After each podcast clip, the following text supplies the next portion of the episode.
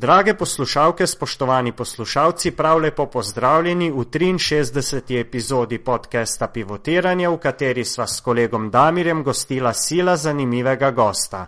To je bil Aleksandar Džikič, trener Krke iz Novega mesta. Beseda je tekla o dojemanju košarke v Sloveniji, Srbiji in Litvi, o tem, kakšen mora biti trener mlajših selekcij, o bratih Dragič, o tem, zakaj Michael Olowokendi ni uspel v ligi NBA, pa o nočnem življenju Rikija Davisa in Gerija Peytona, ni šlo pa niti mimo Krke in Union Olimpije. Izvedeli boste tudi to, zakaj bi pol Evrope skočilo v zrak, če bi izvedelo, koliko zasluži Malcolm Armstead. Že na tem mestu se vam nekoliko oproščam, saj smo epizodo posneli v lokalu, zato boste slišali tudi malo vrveža okoli nas, ampak prepričan sem, da boste nas tri slišali dovolj razločno. Zdaj pa prisluhnite za res zanimivemu pogovoru. Pozdrav gospodine Đikiću, prvo hvala što ste si uzeli vreme za nas i za naše slušalce. Da, samo ti me vikaj, ajde. Kako se, kako se osjećate u, u novom mestu, u ovom malom gradu, jer ste ga već prisvojili za svoj drugi, za svoj drugi dom? Možda? Da, da. A, pa, osjećam se kako, pa dobro, znaš, mislim, sredina je takva kakva jeste, ovaj, a, definitivno nije New York, ali znaš šta, ima svojih prednosti, ima svojih mana i kad a, hoćeš da možda onako malo spustiš nivo nekog eventualnog stresa koji donosi sredina u kojoj živiš, onda je to dobra stvar. E sad, ako si ovisnik o, o nekim drugim uh, stvarima, mislim na kraju krajeva, znaš, ovo je recimo vrlo zanimljiva jedna lokacija, uh, generalno 45 minuta vožnje si od uh, diskoteke Top.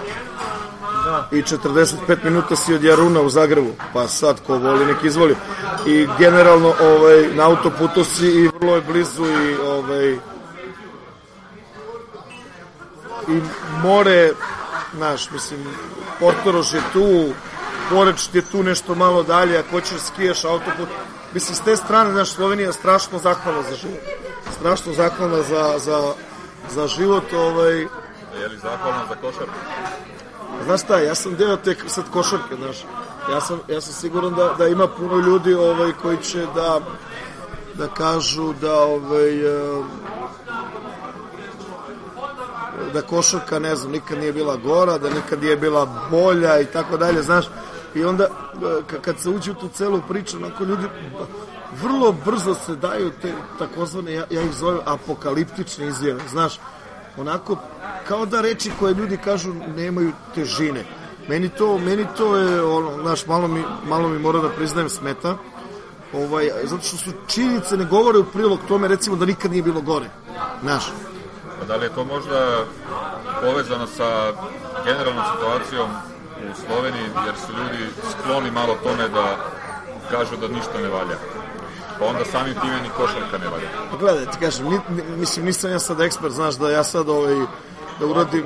Ne, naravno, pa, na, pa gledaj, ja sam generalno sa, sa prekidom od jedno, dve godine, ja sam u Sloveniji od 2008, znači, o, dovoljno dugo da znam otprilike šta se dešava i, i šta se ne dešava i kakva je priroda ovaj nekih ljudi, ali ge, e, svaka vrsta generalizacije u principu je e, protiv mog shvatanja ovaj života da tako kažem.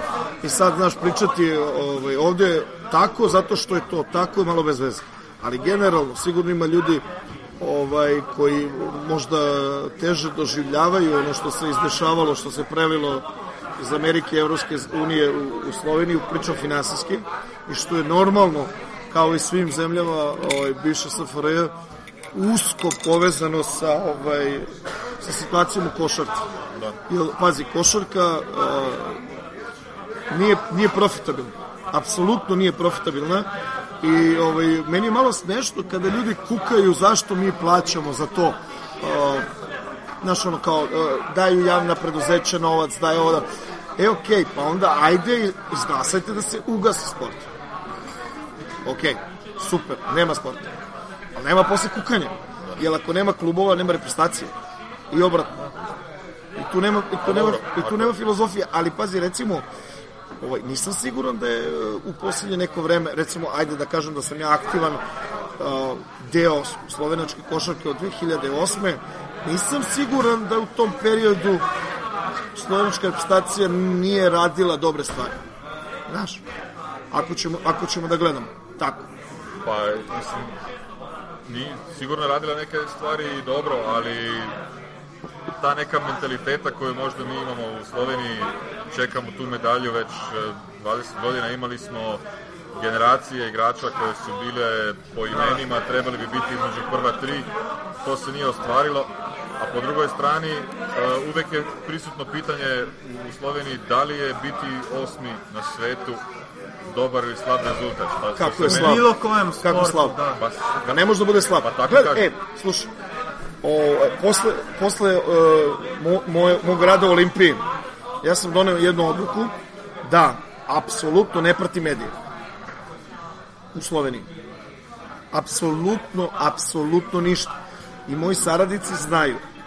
Znači, informacije ne dolaze do mene. Znači, kada mi nešto kažu da je negde neko nešto pročitao, video i tako dalje, to znači da je ekstremno važno. Inače, apsolutno ne pratimo na, dne, izvidio sam, na dnevnoj bazi, apsolutno ne pratimo ništa. Zašto? A, ja, kao profesionalac u košarci, ne prihvatam fenomen forumaštva. Ne možeš da budeš forumaš i da pišeš za novine. Ne možeš da budeš forumaš i da uređuješ internet stranicu. Ne možeš da budeš forumaš i da utičeš na javno mnjenje. Na sve to pogodi se da veliki broj tih novinara ili nazovi novinara ima problem što želi da se se vidi ljudima. Da. I onda se događa šta? Klasično pop popularističko novinarstvo koje mene ne zanima. Sigurno. Isto ovu priču koju sad mi pričamo, ja sam pričao u svoje zemlje, u Srbiji dok sam radio u Partizanu. Ja se isto i tamo dešava. Ja ne znam da li je to naša, ono, po navoda, balkanska ekskluziva, ali generalno naš forumaštvo, komentari, prebrojavanje krvnih zrnaca, da li si bolji slovenac ako si ić ili ić, da li si bolji košarkaš trener ako si domaći ili nisi domaći. E, to su za mene sve onako budalaštine. Ali kapiram da je nekim ljudima i važno. Ali s, s druge strane, zašto sam počeo uh, ce, celu tu priču? Najlakše je očekivati. Razumeš? Ali kad se uradi realna analiza, evo sad ćemo nas trojica da ispričamo ovu priču, naglas. Evo, ja ću da pričam, a vi mi dopunite, obojice. Ja ću da nabrojim reprezentacije Evrope, e, evropskih zemalja, izvinjavam se, koje realno mogu da pobede jedna drugu svaki put kada igraju. Evo ja ću da počnem. Krenut ćemo od Iborijskog polostrava. Španija. Da. Sila, tako. Italija, izvini. Francuska. Nemačka. Je li tako? Slovenija. Hrvatska, Srbija, BH, je tako? Rusija, Litvanija, sam rekao Nemačka? Da. Turska, Grčka, Izrael. Crna Gora. Izvini, Crna Gora ima, ima čude, čudan centarski par. Crna Gora, koliko smo nabrali timova? 14. I sad ti meni reci ovako, 14 timova u Evropi, bez Makedonije, pazi, odmah da svogradimo, a mi ćemo se nekome, doći ćemo i mi nekome glave, ovaj, imaš 14 reprezentacije koje svaki dan, što se kaže, any given Sunday, mogu jedna drugu da pobede. Je li to tačno? Da. Pa kako onda nije uspeh biti šesti? Evo, samo mi to objasni. Pa sigurno da je uspeh, pa na, naš, naša, naše predviđanje odnosno, je da je uspeh. Odnosno, izvini, Nema puno medalja u istoriji slovenačke košarke, izvini. Ups, nema ni jedna. Nema. Tako? Pa naravno, gledaj, ja sam imao ogromnu polemiku u Litvaniji. Pošto znaš da ono kao srpska, odnosno kao SFRJ košarke, Litvanije, to je ono, kao rogovi vreća. I, I tu je ono samo slatko pozdravljanje i sve ostalo to je hejt najveće vrste. I mi smo pričali ko je tu bolji, nije bolji i tako dalje. I onda smo zaključili jedni i drugi, znaš šta? Od kako je Srbija 2002. mislim, tad je bila SRJ, ja mislim, ne znam i sam, pobedili Indianapolisu. Da. Sve do 2009. I Poljske, je li tako? Sa Dudom Ivkovićem, nije imala ni jednu medalju. Pa je pod Dudom imala Poljsku i četvrto mesto na svetskom prvenstvu. Tako je. A Litvanci su imali Švedsku 2003. Ako se to skloni u stranu, imali su olimpijske igre i treće mesto na svetskom. Ako smo mi, Litvanci, i SFRJ, SRJ, RJ, nemam pojma kako, ako smo mi vele sile, pa šta je onda Francuska? Šta je onda Španjolska? Čekaj, nema da se zezam. Znači, znaš, ok, normalno je da budeš ličan i normalno je da želiš najbolje, ali znaš, nemoj da budeš apokaliptičan. Meni je bilo smešno, ja sam sve vremeno bio jedini koji je branio i Pipana iz Dovca i danas Božu. E, ljudi, to je u redu.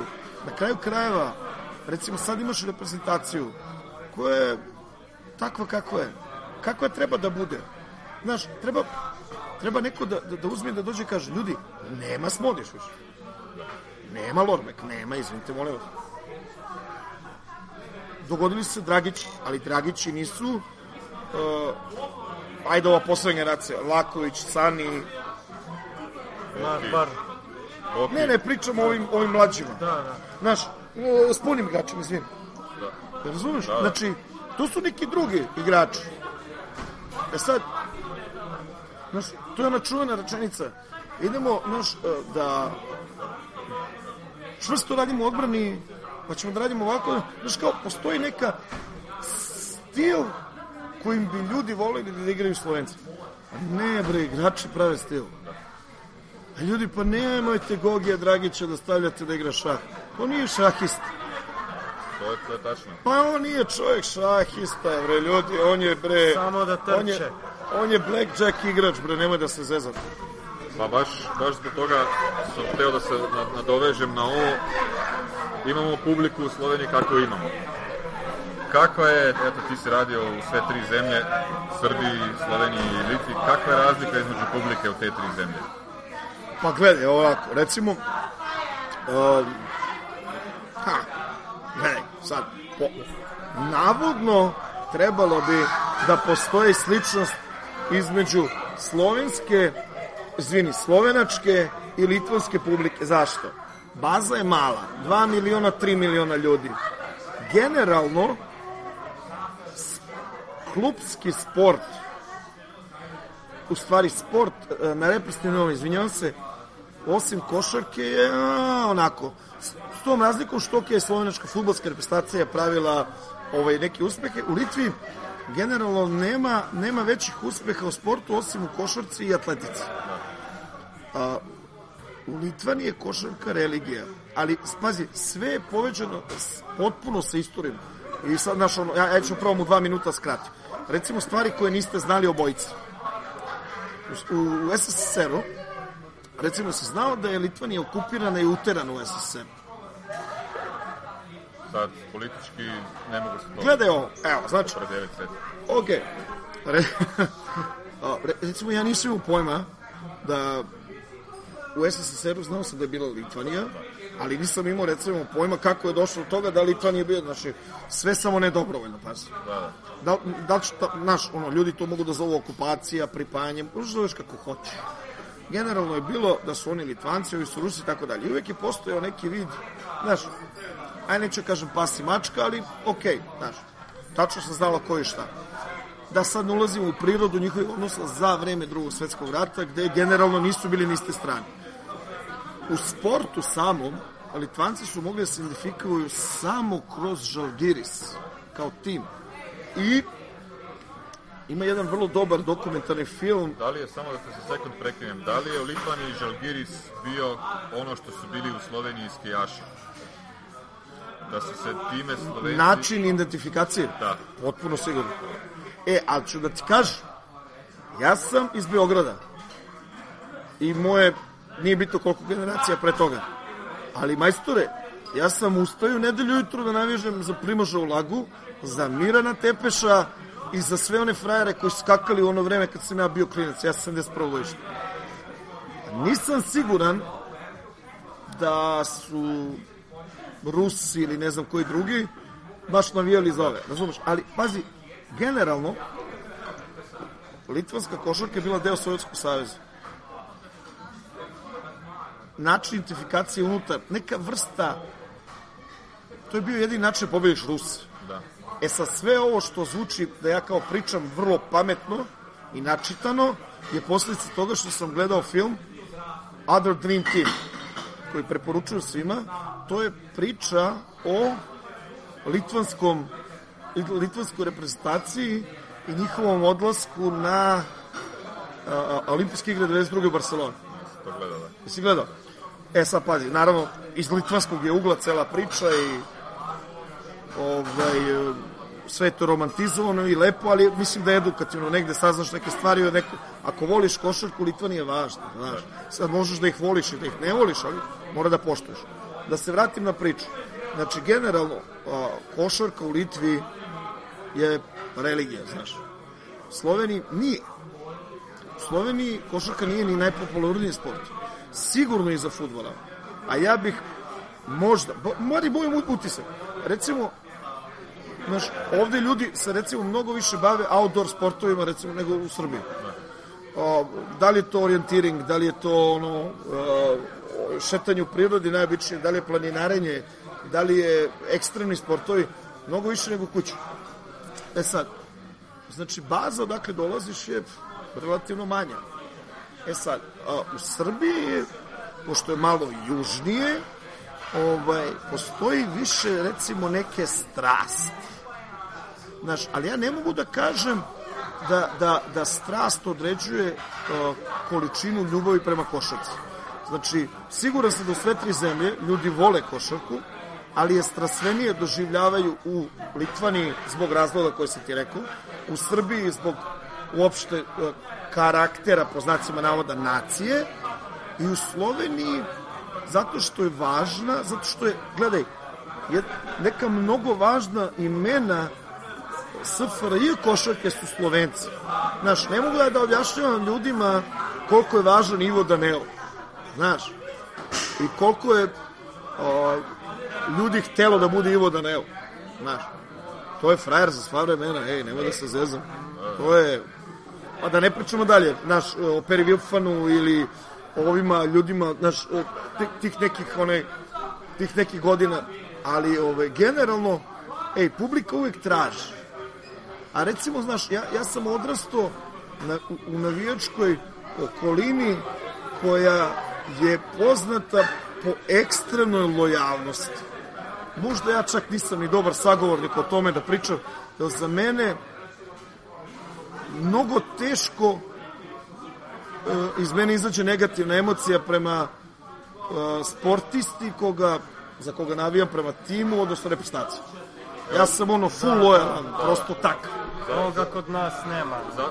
Jednu i dve utakmice izgube i onda stiže Ja Ali- da, ja ću dati primjer koji, koji, zašto me navuklo na to pitanje početno. Ok. Uh, Pre nekoliko meseci Vanja Marinković iz Partizana sa 17 godina ulazi u igru, uh, ima slobodan šut za 3 poena i promašuje tablu za 2 metra. Jest, Dobiva, dobiva, dobiva aplauz na otvorenoj sceni. Ja nisam siguran. Ne, da reći- nema šta da budeš siguran. Da li- Ajde, da li će aj to biti preskoči u da da ne, ne, ne, teško. Ali gledaj, ima jedna stvar. Zašto Pa, je ta razlika? a sad ću ti objasniti. Pazi ovako. Ali generalno to nije ocena samo za, za, za Sloveniju, to je nešto prosto u Evropi ili samo u košarci. Znaš što je meni uvijek bilo zanimljivo? Znači, vratit ćemo se na načine finansiranja klubova ovdje. Kako se finansiraju klubovi? Ti si direktor te i te firme koja je javna ili polujavna i ti u interesu opšteg dobra i kvaliteta života daješ određeni novac u, recimo, košarku. Meni nije jasno kako svi ti ljudi koji su generalno uspešni poslovni ljudi, inače verovatno ne bi došli do nekog nivoa da odlučuju o sudbinama firmi koje su stubovi države. Kako ti isti ljudi u svom poslu stalno pričaju o planu od pet godina, o strategijama, a kada se vrati kada se vratimo u sport, oni pričaju o takozvanim taktičkim, to bi tvoj tata već znao o čemu ja pričam, odnosno skoro o svakodnevnoj politici ili najdalje gledano šest meseci ili godinu dana. Meni je to uvek bilo fascinantno. Da li je moguće da ne mogu da shvate da je uspeh prosto baziran na kontinuitetima, na vremenu, na selektiranju, na podršci, prihvatanju greške, davanju prava na grešku. Gledaj, sledeći podcast, sednete vas dvojica s nekim, pričajte o tome koji su najbolji košarkaški kolektivi u Evropi. Uvek su povezani sa kontinuitetom. Da. To je to. Pogledaj kon... A, o, pazi, u NBA, NFL-u, koje su dva sporta u koja, recimo, mislim da se razumem, uopšte nećemo da pričamo o kontinuitetima, oni su neophodni. Da. Gledaj, kaže, potpisali smo novog trenera, a, on je potpisao ugovor na jednu plus jednu godinu. To nije ništa. Pa ne, šta to tačno znači? Ako, Ajde, objasnimo. Ako bude uspešan u prvoj Da. godini, dobije drugo. A gledaj sad, a gledaj sad drugu igru reči. Potpisali smo trenera na jednu plus jednu godinu. Očekujemo da ove godine isforsira mladog Gala. Si bre ti normalan. A to ne može za godinu. Naravno, slušaj sad dalje. Očekujemo da se pobeđuje, da se forsiraju mladi igrači, ali da tim ne košta puno. To je Mission Impossible 6. Ljudi, to ne postoji. Kraj priče. Pitanje za tebe, koliko košta ženski košarkaški klub Ulker? Ženska sekcija. Jako, jako po, pogađam. Da, Ja da. mislim da je to milion i po dva. Jeste, 12. 12 recimo. Jeste. Ne znam da su u šest u turskom prvenstvu, možemo sada da proverimo. E, Me razumeš? Znači, novca negde ima, negde nema. I sad moraš pametno ga trošiš. Ali opet, vratit ću samo tri minuta nazad. Zašto isti ljudi ne razumeju da je vreme kontinuitet ekstremno važno u pravljenju uspeha? Na svakom nivou. Da li je klub, da li je reprezentacija. Ne možeš menjati ljude posle dva meseca. E, čuj, ja sam dobio super otkaz u Ljetu Ostritas. Prvo, uradio sam godinu dana i počeo drugu sezonu. Posle sam provalio da sam ne znam koliko zadnjih godina ja trener koji je počeo sezonu drugu. To je isto čudno bilo. Da, da. Dobio sam otkaz zato što posle utakmice u kojoj, u kojoj je CSKA dobio Leto Stritos u Moskvi košem razlike. Stvarno neuspio. Znači, nema veze, sve nema veze. Znaš, i to je, jebi, a to je, u, opsos, izvinjavam se. Pa ne, to je, Ne, ne, okej. Nije, nije- obiteljska emisija, nego E, takav- super, e, super. Ali, znaš, e onda, e, onda je to nonsens. To je nonsens. A ovo sad o čemu pričamo, što možda nema veze sa X-Oxom, je srž košarke, klubske, reprezentativne, svakog nivoa. Jer zašto? Ti moraš da imaš stabilnu, u svetu vole da koriste reč logistika. Znaš, logistika je sredstva za trening, mesto za trening, metode treninga, ostvari to, pusti, idemo, idemo sad da, da radimo nešto. Gledaj, recimo, Slovenija još uvek nije popularna među timovima najviše španskim i turskim koji jure mlade igrače osim Luke Dončića. Ja, I još Macu. i Macura, izvinjavam se, bravo, znam da su dvojica zaboravio sad sam, 20 ljudi. ali nebitno. Broj crnogorskih, e, srpskih, um, čak, e, pazi, najbolji, o, najbolji makedonski igrač je Osman, koji je Turč, Da. ali je rođen u... I što je najgore, njegov mlađi, recimo, brat igra za makedonsku reprezentaciju, ali stari, daleko talentovani, igra za Tursku. I tako dalje, i tako dalje. Znači, e, e, momci iz BH, momci iz Crne Gore, deca iz Srbije, sve. Znaš, idu i oni, znaš, gledaj, pitanje je dana kad će ljudi da počnu da dolaze da odvode decu iz Slovenije sa 13, 14 godina, 15 godina. je li kontinuitet talenata koji dolaze iz Srbije i onda još iz Litvanije gde smo rekli da je košarka religija, nešto što će potrajati ili, ili je Slovenija nešto što, Pa ne. što može pokazati šta se može desiti A sad će- dođe generacija, ode da, generacija? Da, a gledaj se ovako. Pričate recimo sa osobom koja, koja, koja pf, e, ja generalno nisam pesimista, ja sam ono što se kaže realista i, i, i kapiram da naš stvari koje treba da, da, da se pričaju moraju da budu zasnovane ono na realnoj nekoj osnovi i da ne budu previše apokaliptično, ono što smo pričali na početku, ali vidi ovako, a, Litvanija nema novog Sabonisa i Litvanija nema novog Marčuljonisa i nema novog Jaskevičiusa i nema novog Karnišovasa i nema novog Kurtinaitis. Ej, majstore, nema. A mi opet pričamo da je Litvanija u redu, tako? Ali Da. generalno ovih igrača nema. Pogledaj sad ovo. Nisam ja siguran da je generacija srpske reprezentacije danas bila na nivou Divac, Danilović, Savić, Đorđević, Paspalj, Sale Obradović, Mića Berić i tako dalje. Znači pričamo o Aždajama ili recimo u Sloveniji, pazi, e gle, ja sam trenirao Sanija Bećerović, pa to je bre instant mašina za pobeđivanje. Ja sam njemu rekao, pa ti si, ti si zalatni olimpijac, ali za ove, ovaj, kako se zove, paraolimpik. Da. Znaš, kad saznaš detalje njegovim kolenima, kažu, To, to sam ja baš htio da kažem. On je šampion već zbog toga da se opet bavio ti košarkom posle. Pa njemu Pa je... da. Su rekli da, ne, da neće moći da Ako, hoda. njemu su rekli ako bude hodao, bit će uspeh. pa si lud, pa ja to sve znam. Pa ja to kad pričam ljudima nisu svesni. Da. I onda im kažem, bre, pa pogledajte svi vi, bre. Pa nemoj da se zajebava, malo. Ja sam trenirao čoveka. Pa ja kažem, ja ću celog života da pamtim njegov govor prošle godine, finale sa Olimpijom i u četvrtoj utakmici ne komentarišemo suđenje, nije bitno. Oni, aj neću pričati o tome što. Uglavnom mi smo izgubili. 2-2 i idemo nazad. Njegov govor u slučajonici, ja nemam šta da radim. Ja sam stao, on je čovjek ispričao ekipi sve što treba da znaju. Ja sam na pred početak pete utakmice podsjetio šta je rekao Sani, završio s tako što smo mi uzeli titulu. Ej, to je za mene frajer. Da li ima taj frajer danas? A otko znam. Znaš, recimo Gogi. Je, zmija. To je, vi, uh, mislim, ne u negativnom smislu. ne, jasno. To je jedan zmaj. E, ali lider si. Moraš da seješ harizmu.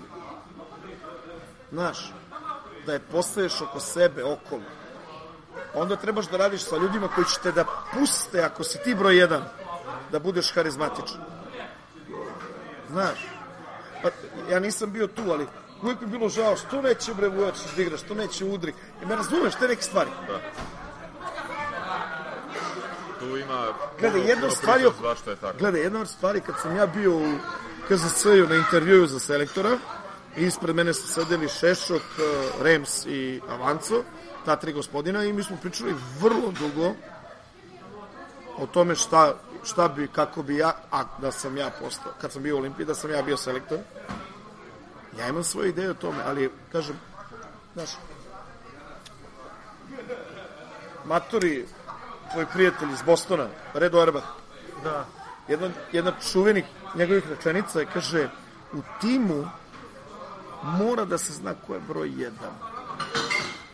A kaže, samo ako su van terena u odličnim odnosima, možeš da imaš dva broja jedan.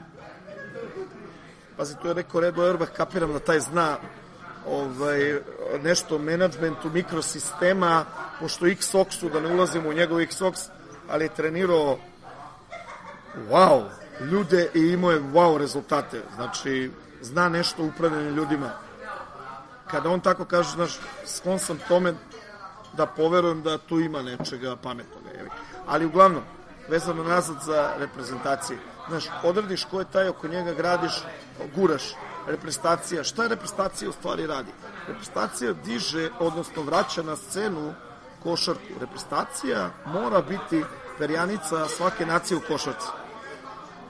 nema puno uspešnih nacija klubskih, a da nisu uspešne i reprezentacije.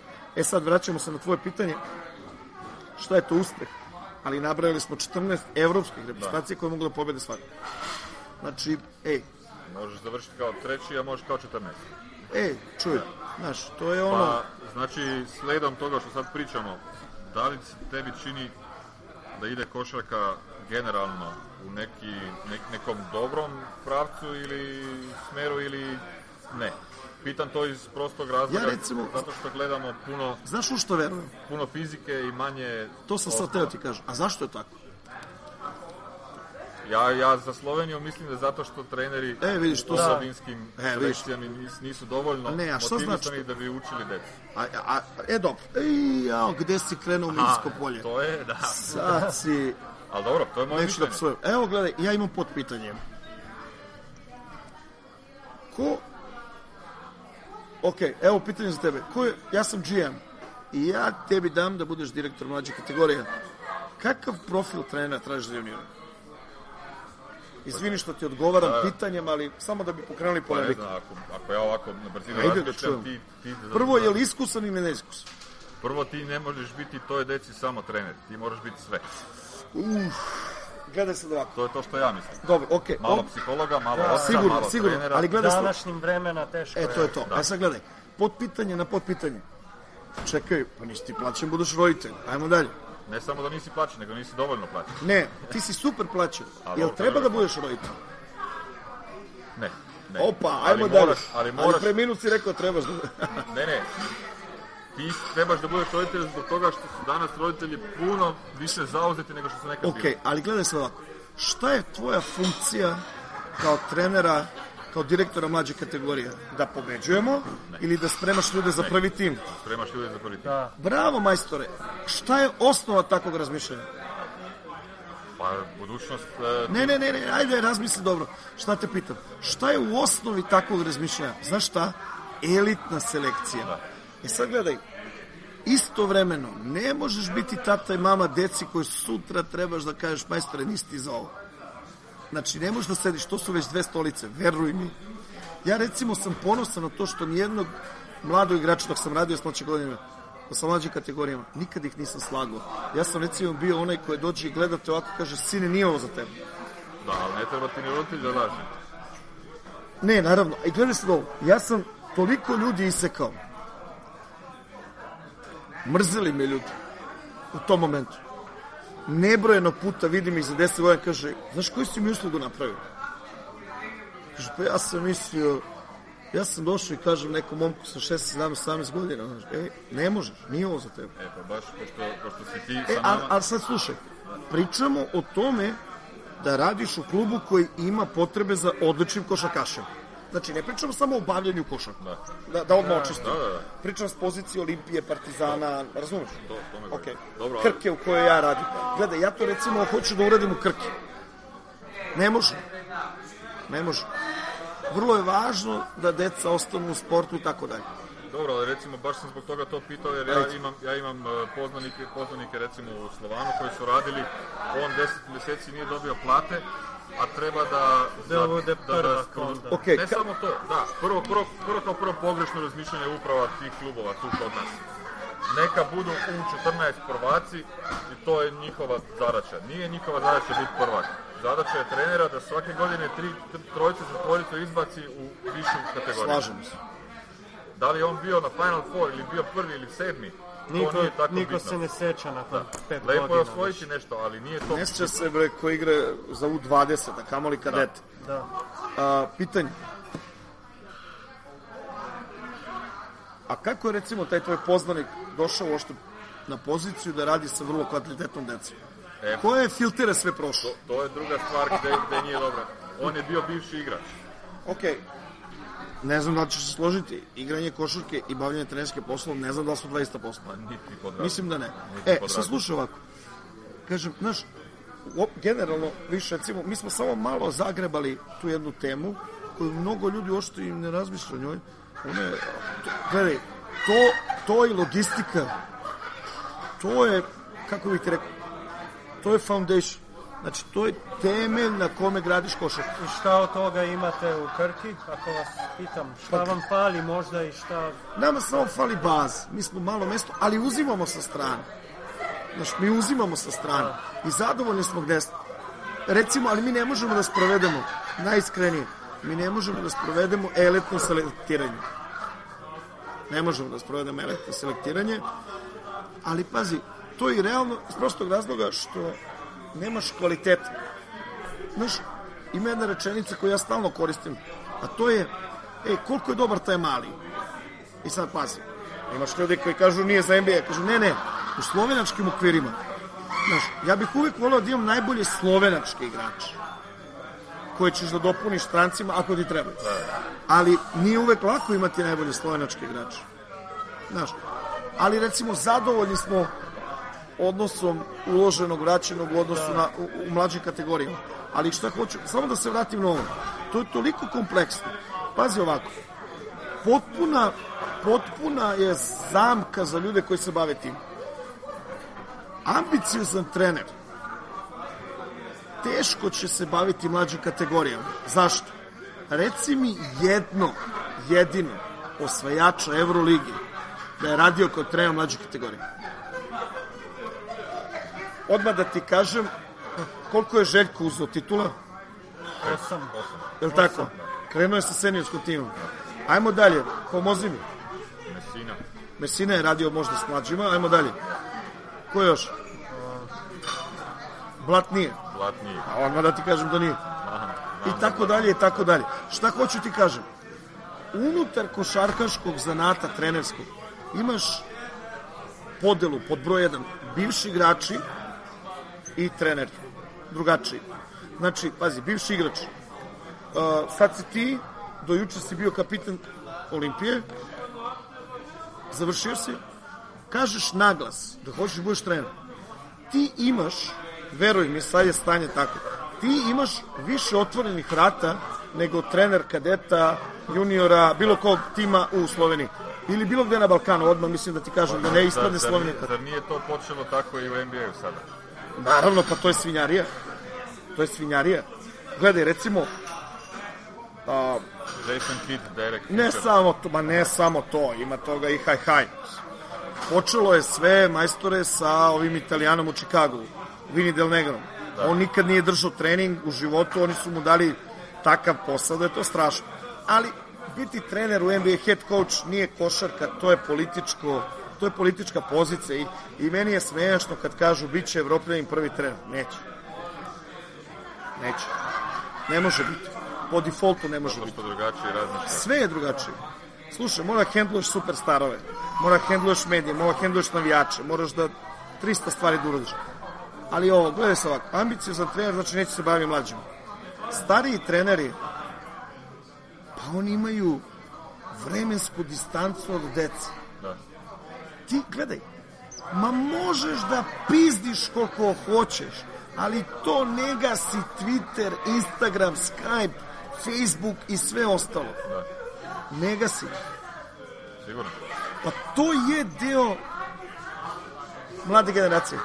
Ali što što si rekao, kod Ali nas je sistem, 30 30 sistem postavljen tako da ti kad počneš sa, sa trenerskim poslom, Ne, ti ako počneš kao sa, radi s mlađima, u životu ne možeš se probiješ gore. pa to, Slučajno. ali recimo, ja... Gledaj, ja sam se slučajno probio.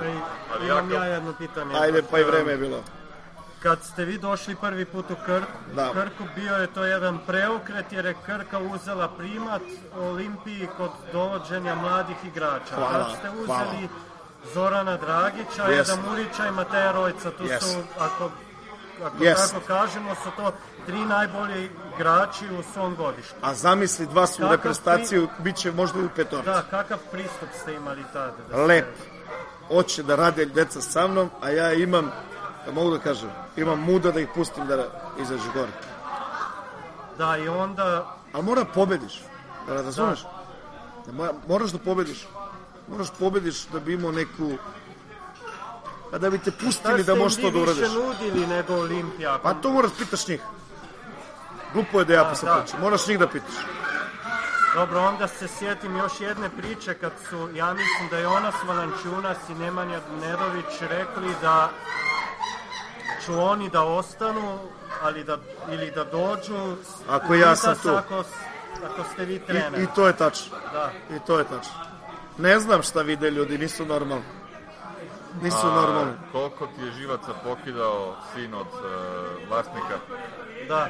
Ili E, nije bio tamo, ne, nije bio tamo. Ne, ne, gledaj. Ne, on ošte nije bio tamo, ali, pazi, gledaj. Znaš kako je Marcelo Nikola sad postao? On je sad trenutno trener Ritasa. Znaš kako je postao trener?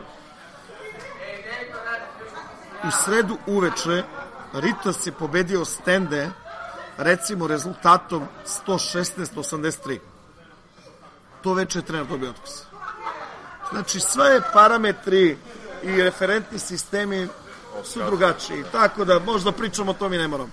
Ali generalno, znaš, tačno je da sam, da sam radio sa puno mladih i dobrih igrača. Recimo, radio sam s puno igrača koji su sad u reprezentaciji Slovenije. Da. Baš puno. Baš puno. U stvari, Ali evo sad 20, 20 godina, 20 godina si trener i više. a, 24. sezona. tako. Grozno. Da li su igrači danas, Drugačiji, potpuno. to, to je, to je Ne, to je. Da li su pametniji nego su ne. bili nekad? Ne, ne, ne. Street smart, gledaj, to, to, sam- to smo hteli da pričamo, pa mi pobegla misla. A, kako bih ti rekao, nemaš puno mangupa danas među ovim, među ovim klincima. Da. Drugačiji su. E, to je moje pitanje bilo i Da, da, drugačiji su. Ne, ne, drugačiji su. Ja bih volio da dođu polemiču sa mnom, da je coach, nije tako. Tako je. Drugačiji su. Old school definitivno postoji i new school, definitivno. Na svim nivoima. Na svim nivoima. Jesu li mekaniji danas? ne fizički, ali pazi, softness je, Pa, je mislim, psihološki. psihološka odredba, da. Znaš, recimo, Jel zbog toga teže raditi s njima sigurno, nego što je bilo 94. dobro, 5. sigurno. 2003. Da. Ne moraš da ideš puno nazad. Ne moraš da ideš puno nazad. Ima li veze sa tim nešto i to da, se, da košarka recimo kako god su igrači fizički jači, ali ipak neki su e, neke su uvek promene u pravilima da se daje prednost napadu, da se daje prednost nekim e, potezima. A, ako znaš šta, šta sam teo da kažem s time. Nekad, nekad je košarka bila ko, ko, ko preživi pričat se. Danas Pa jest, ali gledaj, pa da. to otežava rad trenera. Ne, nešto drugo razmišljam da ti kažem.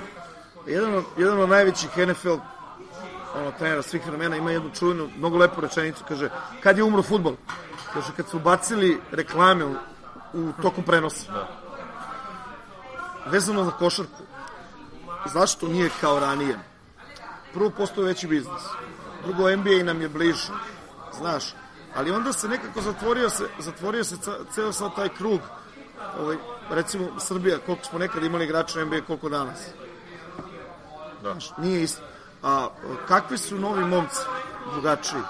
Nemaju strpljenja.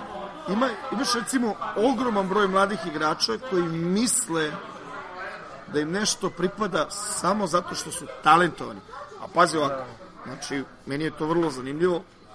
Možete vas dvojica kažete naravno svoje mišljenje. Postoje tri različita e, stanja ili ono, nivoa na početku imaš talent. Pa mnogo radiš, postaneš potencijal, pa pobeđuješ, pobeđuješ, pa postaneš kvalitet. Razumeš? Ne znam da li ti ovo ikad neko rekao, ali je vrlo tačno. Znači, imaš puno talentovanih. Ali moraš da radiš da bi postao potencijal, onda budeš kvalitet, da mora pobeđuješ, pobeđuješ, a onda moraš da pobediš na prvom nivou, na najvišem nivou. Recimo, majstore, ja sam trenirao oba Dragića. Ti si u stvari i prijatelj svojim starijim, koliko ja znam. Pa onako, sa Pa, Bogi. poznamo se tako. Onako, zdravo, iz zdravo, viđenja, da, bio si na svadbi. Ne, ne, ne. šalim se, šalim se. ovaj, gledaj, nisam ja njega mazio. Nisam mazio ni mlađi. Oni su odradili ovo što im se dešava. Znaš koliko sam ja ponosan? Ali oni su i vaspitani tako što trebaju da budu. Naravno, naravno. Ali su i kompetitivni. Pazi, nosilac pokreta je majka, odmah da ti kažem. Da. Ove, svi kažu da je, da je ovaj, Čale tu, ono, znaš, pošto onako živa, ali mama je tiha voda i gura napred samo. Ali, e, vezano za njih. Ja sam, recimo, to je jedna od stvari koja me onako uvek, znaš, onako, nasmijem se kao, ono, ovaj, sa nekim, onako, osjećanjem iz sebe, znaš, ono, feeling good, kad razmišljam o njima. Ovo sve što je došlo, e, ovo je došao lav na, na, na ivicu max ugovora u NBA, alo, Gogi Dragić, Da, majstor, ej, tako.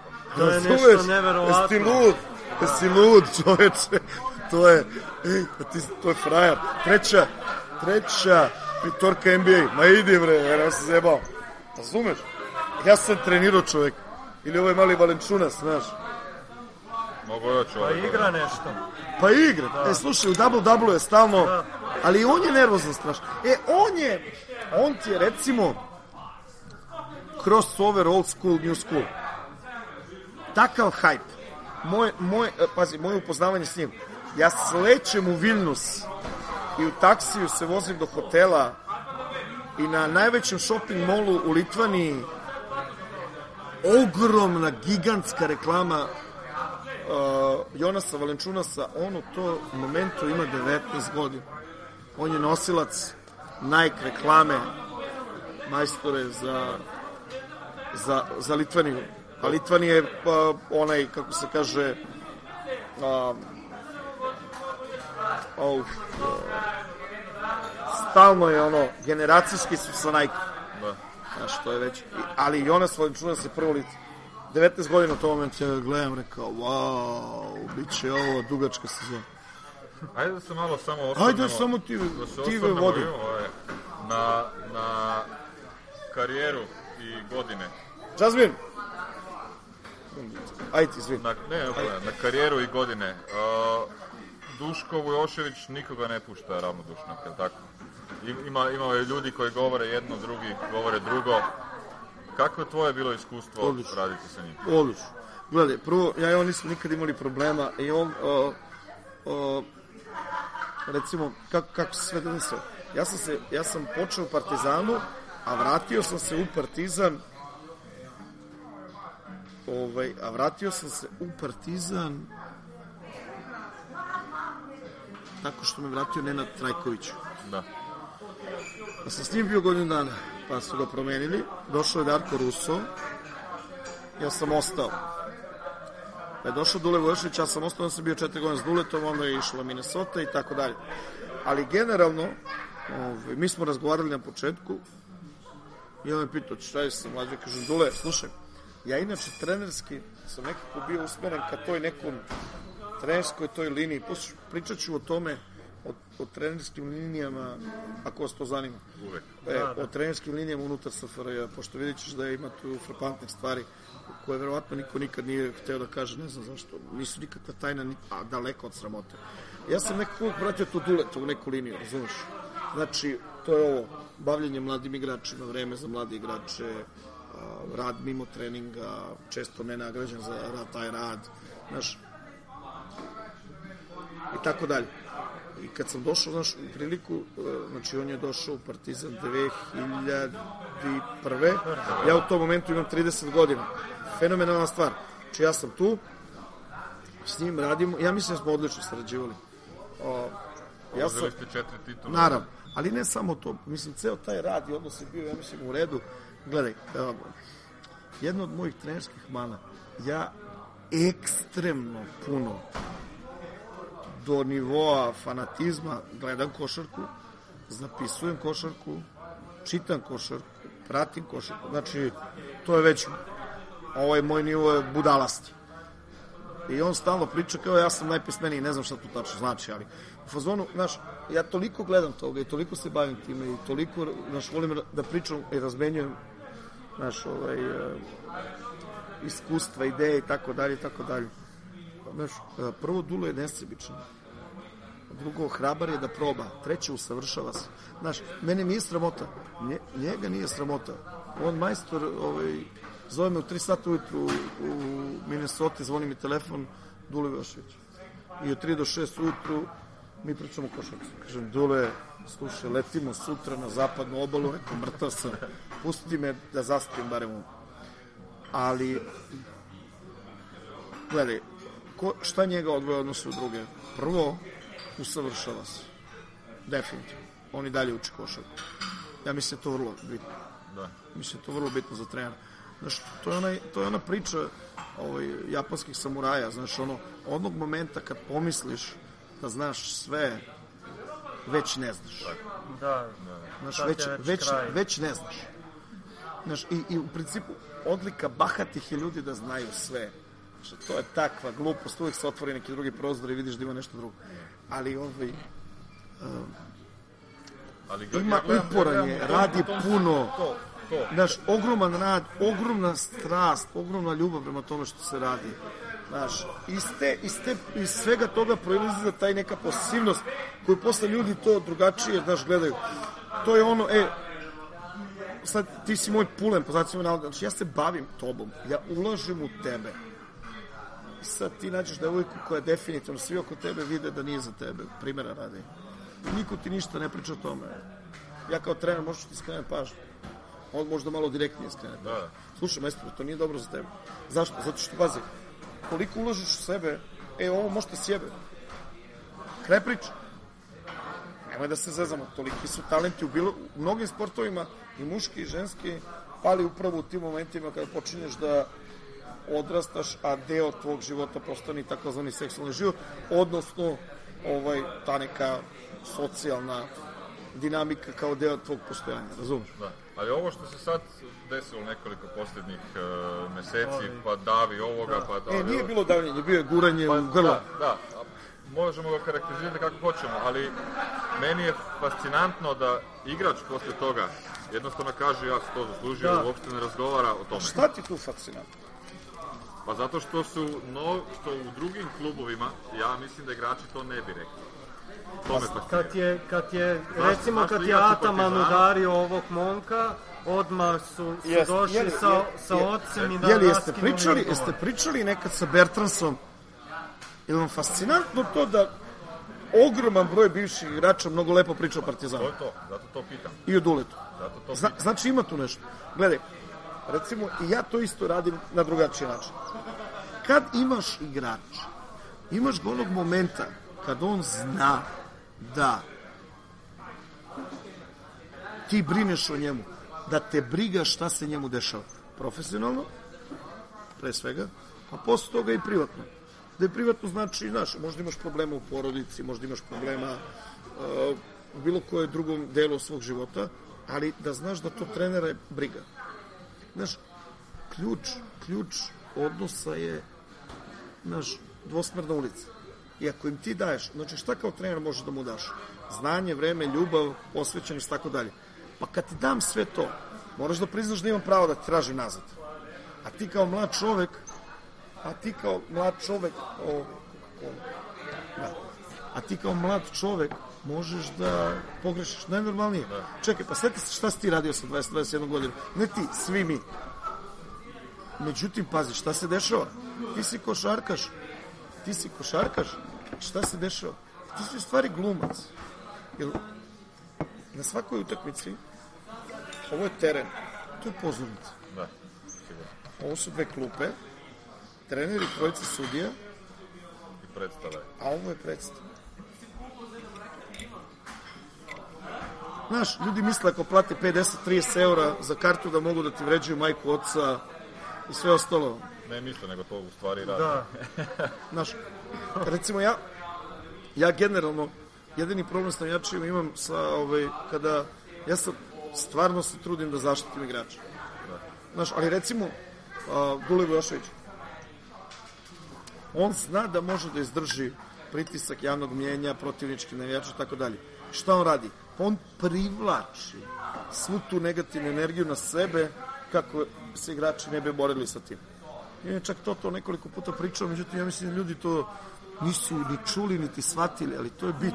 Ja sam bio sa njim, pored njega, kad je on počeo sa time.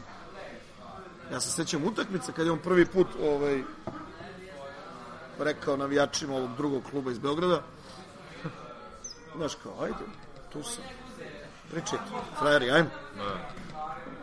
Da. E, čekaj, a sad si ti protivnički navijač i ja, ne, vređaš mene kao trenera. Ja kao, mislim, vređaš me kao na ličnost. Ja mogu da budem pička debela, debela ili pička ćelava. Ja, znači imam mogućnost da budem i jedno i drugo, tako da mi je sve jedno, razumeš? Da, imali ste i vi u novom mestu jedan takav, Naravno, jednu kako- takvu situaciju. Pa nisu, ja kad sam to ste- rešio. Kad ste, kad ste Pa je. Pokazali Pa tako, ne, dođi dole. ne, ma Ja nije se to, sećam. pa pogrešno je to bilo interpretirano. Dobro, znači posle toga malo smo, malo smo trebali to i pitati. Ne, samo vi vodite momci. Minnesota Timberwolves, zanimljivo da si bio pomoćnik uh, trenerima koji su danas uh, Na vrhu, jako uspešni. jest. Znači Randy Whitman u Znaš Washingtonu. koliko mi je to dobro i to mi je tako dobro i im- imam odličan odnos s njima naravno bliži sam s Caseyem s kojim sam prijatelj ali imam dalje i odnose sa Randy Whitmanom i Randy Whitman je, izvini, ali moram to da kažem drkađija par excellence, ali dobar trener Da. ali par excellence drkađija to je pravi All American onako ono što ja kažem, republikanac od glave do pete, Indijana, all, uh, on je bio All American, bio dobar NBA igrač, bio je reprstivac. To ti je faca jedna, ali je dobar trener. Casey je potpuno drugačiji. Recimo, od Casey sam naučio da je moj ego moj problem. Da. Znaš. Ej, ja nikad ne bi vodio Amsterdam ovako uspešno, mislim da ga vodim uspešno, da imam nekih problema sa egom. Mali je takav kakav je, ej, ali ja sam ga doveo, ja sam to znao. To me najviše nervira kad ljudi dovedu igrača i onda kao, ja, znaš, pa nismo znali. Pa jesi ga proučio? Si pitao, jesi znao? Da, kako ste, kako ste došli do njega? E, lepo sam došao, to je bila krađa. Kad bi rekao za koliko para igra, da. prevrnula bi se polovina Evrope. Gledaj, to ti je pravi stil.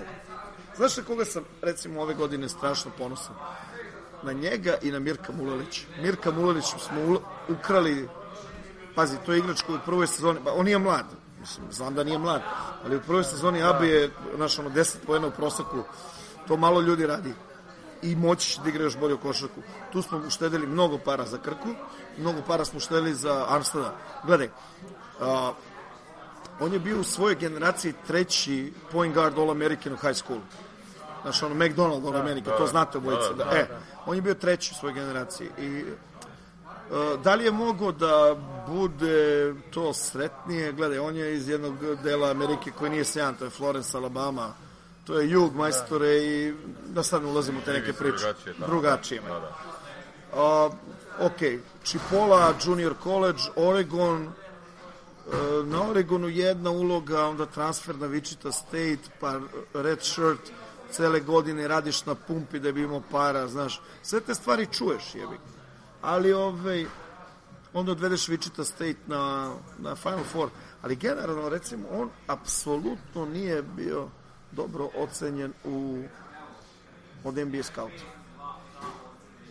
većina njih je pričala za njega da je minor league minor league uh, potential scorer. Pa meni on, recimo, ako bi ono brzo usporedbu e, napravio, e, dosta mi sliči na Isaiah Thomasa, koji sad igra u Bostonu. S tim da ima... S tim da ima je bolje atleta, ja mislim. Da, baš to te reći, ali kak, kako, po, opet samo po mojem nekom navijačkom razmišljanju, kako Armstead izgleda, mislim da može Ali, puno popraviti. ali gledaj, sad ću ti reći jednu stvar. Šta, fiziku? Da. Pa ne, mi nismo još videli ništa od njega. Mislim, on čovjek može i da poleti. Gledaj, prvo on je ekstremno snažan čovjek, za, a za, za moj ukus je pretežak. Pa, Na, ali gledaj, ej, ljudi, ja sam, kad god hoćete, moji ste gosti, možete da dođete na treninge, možete s nama na utakmice, e, kad se skine, on ti kao UFC fighter. Ti možeš njemu da skineš još 10 kila da bude ripped. da. Ali to je Ali- samo izgled. Pa, da, pitanje je, da, bit će lakši na nogama. Gledaj, on sad igra sa recimo 92 kg, 93 kg sada, na 1,83 m. Ok, ej, on može sigurno skine na 85, izgledao bi zastrašujući, ali to je velika snaga u, u kukovima, velika snaga u gluteusima, recimo on je vrlo brz za igrače sa ravnim ovaj, stopalima, to znaš da je veliki problem a, tamnoputih igrača su ravna stopala, ali, ove, ali je lider I zna da pobedi, znaš. Zna da pobedi. Kako ste, kako ste gledali sad posljednji šut protiv Zadra? Pa ne, pa, pa ne, ali ja sam to vidio ranije. Razum, mislim, gledaj ti objasnim. Jer je čekao do posljednje 3-4 sekunda Naravno. i onda sa 9 metara. Pa bolje, pa bolje nego da je čekao da njima ostaje još 8 Da, da, da. sekund, nije bitno. Ali gledaj, uh, ja, ja recimo lično sam to naučio Dean Smith. 2004. godine smo bili tamo, mislim ja sam bio na Severnoj Karolini, dva i po tri meseca imali smo one, imao, imali smo, imao sam all access taj, ono, bukvalno i, i između ostalog i priliku pričao s tim čovekom. I on je recimo vrlo dobro znao dakle ja dolazim, ja sam još bio u Partizanu. I onda je to bilo vrlo dobro poznato, on je znao da, znaš, on, hard nose, low budget, ovakvi, onakvi igrači. Zašto? Recimo, Dean Smith je pratio sve igrače svoje koji su prošli pored njega, kroz njega, pratio im je karijeru. I neki od njih su naravno igrali i protiv Partizana. Nije on znao za mene, nema veze. Ali kad smo, a, Srbija, znam ko je, pa je onda znao, ne znam, ove starije neke trenere. Uglavnom, ovaj, pričali smo o tome i pričali smo recimo o tome kakav je takmičarski pritisak kod nas. Dan danas u Partizanu, znaš, kad se izgubi, znaš, ono, recimo ovo što sam mi pitao za Duleta Vojoševića, to je kult pobeđivanja. Znači, poraz se ne prihvata i vrlo se teško podnosi. Da li je to dobro, da li je loše, ja ne znam. Naravno, ali gledaj, pazi, sad ću ti reći. O, samo, samo mala digresija. Ja sa takvom glavom odlazim u NBA. Četvrta moja utakmica, mi smo u Sijetlu bili plus 18 i neko od Rukija udari Ray Allena namerno i probudi ga. I on nam čovjek u 9 minuta da 21 poen. Razumeš? Imaš tu izraz ono, u NBA kao nemoj da ga probudiš. Da, to je već poznato od Jordana na... Ne, to imaš od Kobe Bryanta i tako dalje. Mislim, ne, ne, strašno, ste, znaš, i to se meni desilo. I ja ljudko puška u slačionici. Sjetlo ima jedno od najružnijih dvorana, jedno od najružnijih uh, slačionica, zato što su igračka i trenerska praktično spojene, plus u sredini se onda donese catering za igrače i to je onako kao, kao što se kaže ono, kuhinja u kineskom restoranu. Znaš, to je ono, ja sad tu sedim, već se presvuku, skinuo delo, spremio se, ne znam, obuku neki džins, idemo, obe idemo iz Sjetla, letimo sutra dan. Mislim da je bilo, recimo, San Francisco, nije bitno. I onako, baš ljut i ne krijem, znaš. I prilazi mi ovaj gospodin što se vratio u Minnesota i kaže, šta je s tom? Pa ja rekao, šta, šta je sa mnom, jebate, vodili smo, izgubili, znaš, nije mi baš sad najsreće. On kaže, pa gledajte ovi igrači svi kao. Pa rekao, dobro, aj sad ću ja to malo sve. I, na, I kaže mi čovjek rečenicu, kaže, nemoj da juče menja ono što će sutra da bude. Fazonu nauči da gubi, pusti to, kaže, nećemo igrati ponovno. Recimo, to je neverovatno kvalitetna shvatanje takmičenja. Znaš ono, kad smo bili klinci, gledamo utakmicu, mi je kao, ja, nije im do igranja, znaš. A ti ne znaš da im je to možda peta u osmom dana. Da. I da su možda sinoć doputovali trujutru. Sve to nam niko nije tada govorio. Ali da, da se vratim ovaj ponovo nazad. Znaš, naučiš da pitanje života i smrti ne sme da bude jedna utakmica. I što kaže Dean Smith, znaš kako kaže, majstore, ako postaviš pred svoje igrače da su utakmice, ono, na život i smrt, kaže, mnogo puta ćeš da umreš u karijeri. I to je cela istina. To je cela istina. A meni je to teško, ja sam izašao iz kulture, ja sam, pazi, nama se dešavalo, čak i ovaj mali klub u kome sam radio pet godina, Beo Vuk, nama se dešavalo, recimo, mi smo dominirali u tih pet godina, što sam ja bio u mlađim kategorijama u Srbiji i Crnoj Gori, mi smo dominirali. Znači, svake godine kadeti junior su bili ili prvi ili drugi. Svakih pet, od, tih pet godina. Meni je poraz bio ono kao... pff, sad je već drugačije, malo sam još stariji. Šta vam je veći motiv, pobjediti Olimpiju ili Crvenu zvezdu? Pa ne, ne razmišljam ja o tome tako. Ne. Jer, Jer, jer u Sloveniji uvijek kažu poslednjih nekoliko godina Aha. Krka se napali protiv Olimpije, Krka se napali. Da li je to istina? Da li su pripreme pred Olimpiju iste kao za sve ostale utakmice? Ja ne znam da Ali ti ne. kažem, recimo ove godine smo pobedili Partizan, Devitu, Olimpiju, Zvezdu, Da. ćeš ti nastaviti spisak. Tako da, Sve jasno. pa Ja, ne, ja, a ja mislim da ovo pitanje, inače ovo pitanje... je Možda i zbog toga jer puno bivših igrača Olimpije igra u Krki, onda pa možda... to moraš pitaš ovi iz Da. Olimpije zašto je Da. tako. Da. To je, to je bilo jedno, jedno od pitanja i naših slušalca jer uh, su to našli zanimljivo. Uh, ja sam htio da pitam još nešto u vezi sa NBA-om. Ajde ti, ajde ti stručno, jer, jer si naj, najpozvaniji za takve stvari. evo. Kažeš meni, zašto, Kažem tebi, ajde. zašto Michael Olovakandi nije uspeo u NBA? Pa ti ne znaš. Pa ti moraš da znaš tu priču. Evo, ne, ne, ovo ti je to, je ruku. priča, to je sad priča za Evo, slušalce. evo, gledaj ovako. Poštovani Šta, je- slušalci, šta je poanta? Poanta, ću, poanta, poanta te- toga je da imao je sve. ima, ima, nekoliko, ima nekoliko draft pikova koji su bili prvi i nama kao običnim fanovima koji volimo i Saša, NBA, sve ću da ti ogosti. zašto takav čovjek ne može da uspe nekako? Evo, Danas je to pa nije ga zanimalo. Ma nije ga zanimalo. Ej, slušaj, ko je gospodin čovjek? Gledaj ovako. Šta znaš o Lovokandiju? Pa da je... Nigerijac. Nigerijac, tako je. E, znaš recimo... To je mentalitet malo drugačiji. Ne, ne, aj, aj nećemo o tom. Da, da, sram te bilo. To je rasistički statement. Šalim se, šalim se. Slušaj ovako. Ali recimo, znaš iz kakve porodice dolazi? To je diplomatska porodica. On je, on je, gledaj, on je rođen u Londonu. A u porodici nigerijskih diplomata koji nisu bili samo diplomati. Da skratim priču. Bio je imućen. Kako je otišao na univerzitet Pacific? Okrenuo je telefon i rekao je ovako. Dobar dan, moje ime je Ma, Michael, uh, da, Michael Olokandi, izvini. Je li Michael? Michael, Da, Michael Olokandi, ja sam seven footer, živim u Londonu, ja bi došao da igram košarku na Pacifiku.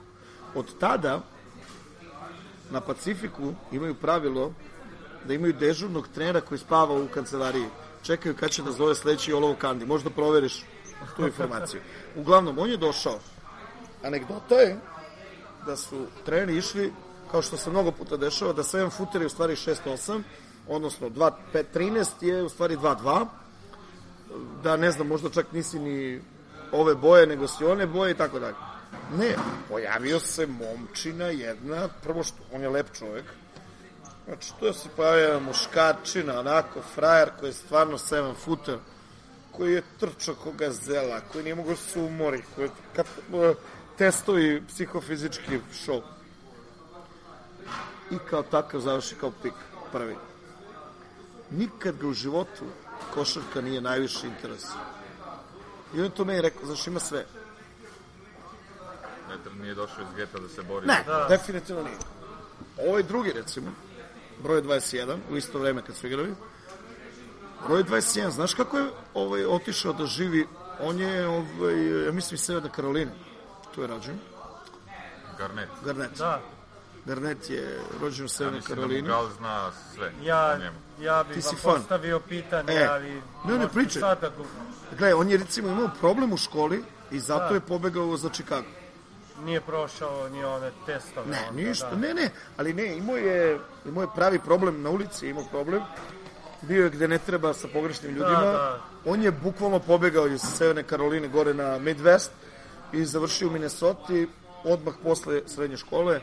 Kad se pojavio tamo, ovaj, nije bio ono što je bio danas, naravno, ali je napravio da bude igrač koji je recimo uh, najviše, ne ne slušaj, on je recimo najviše uh, novaca zaradio od NBA tokom karijere.